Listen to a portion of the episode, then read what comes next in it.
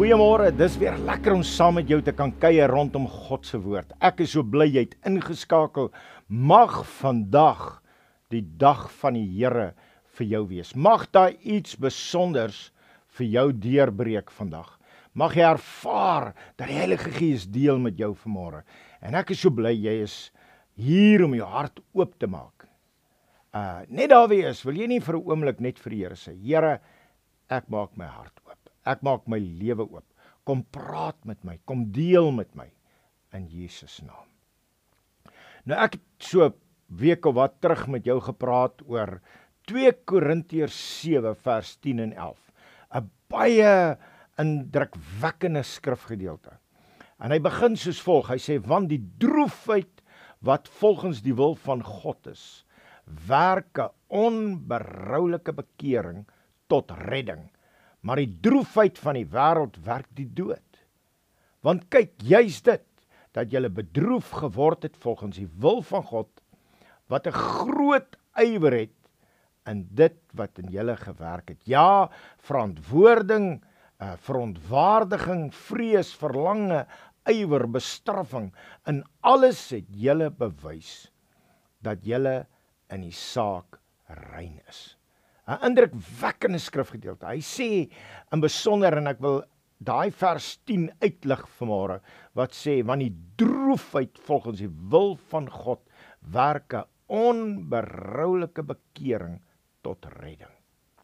Die oomblik as jy onder die oortuiging van die Heilige Gees kom, die oomblik as die Heilige Gees met jou praat oor jou lewe, dan is dit asof jy droewig word, asof jy hartseer word, asof jy besef uh, in watter sonde jy geleef het. Jy raak droewig in jou binneste want jy besef jou lewe was nie reg nie. En dis waar hy sê hierdie droefheid, hierdie hartseer, hierdie hinkering in jou binneste bewerk 'n onberoulike bekering wat tot jou redding is. Nou wat beteken dit prakties vir jou en my? Uh ek, ek dink behalwe vir dit wat die Here die reinigingswerk wat hy in jou gees doen, gebeur daar twee ander goed ook. Eerstens beteken dit letterlik dat jou gedagtes word verander. Indien daar geen verandering in jou gedagtes plaasvind nie, het geen bekering plaasgevind nie. Dit moet jou gees moet jou gedagtes beïnvloed. En dis hoekom die Bybel sê dat ons gedagtes ons moet vernuwe word. Baie keer is mense net jammer. Hulle is jammer en hulle het geen intensie om hulle denkpatrone te laat verander nie.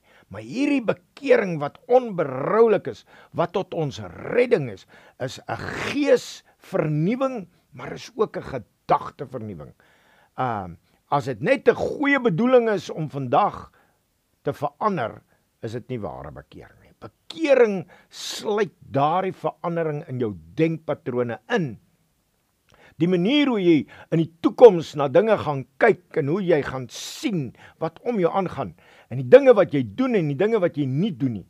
Bekering wys presies waar jy van gedagte moet verander. Die Heilige Gees is juis daar om jou te leer om anders te dink, anders te redeneer, anders na goed te kyk, anders goed toe te laat in jou gedagtes.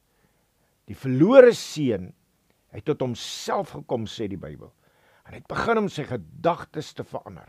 As daar nie gedagte verandering is nie, is daar nie 'n verandering in jou lewe nie.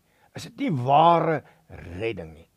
Die tweede belangrike ding, uh behalwe jou gedagtes, is 'n verandering in jou lewenswyse. Die verlore seun het nie net hom uh, uh jammer gevoel nie. Hy het nie net hartseer geword oor sy omstandighede. Hy het nie net sy gedagtes verander nie, maar hy het sy huidige lewensposisie het hy verander. Hy het na hy het na dit wat hy tans beleef, het hy 'n keuse gemaak om in sy lewe te verander. Hy het 'n keuse gemaak om 'n nuwe toekoms te. Hy het opgestaan en na 'n nuwe skoon lewe gegaan waar hy herstel is in sy Vader se huis.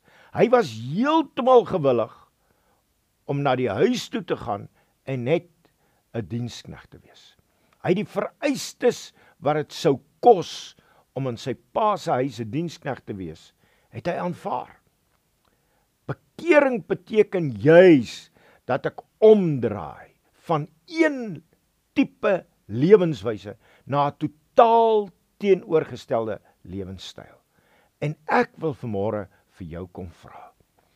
Het jy al werklik die Here toegelaat om deur sy Heilige Gees in jou hart te werk en waar jy hartseer en droewig geword het oor die goed wat in jou lewe aan die gang is?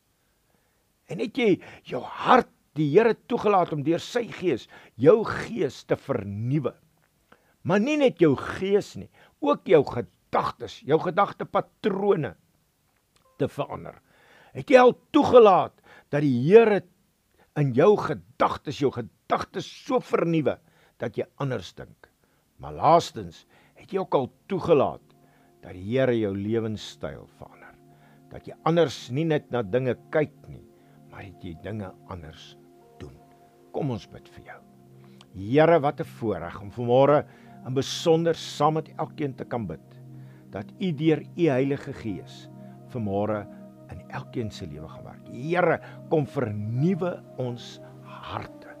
Kom vernuwe ons gees. Maar kom vernuwe ook ons gedagtes. Kom vernuwe ons lewenstyl.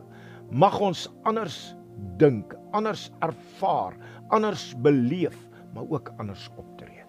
Dankie Here dat ek kan bid dat U deur U Gees nou met elkeen van ons persoonlik op 'n unieke manier bemoeienis gemaak. Here seën elkeen is my gebed in Jesus naam. Amen.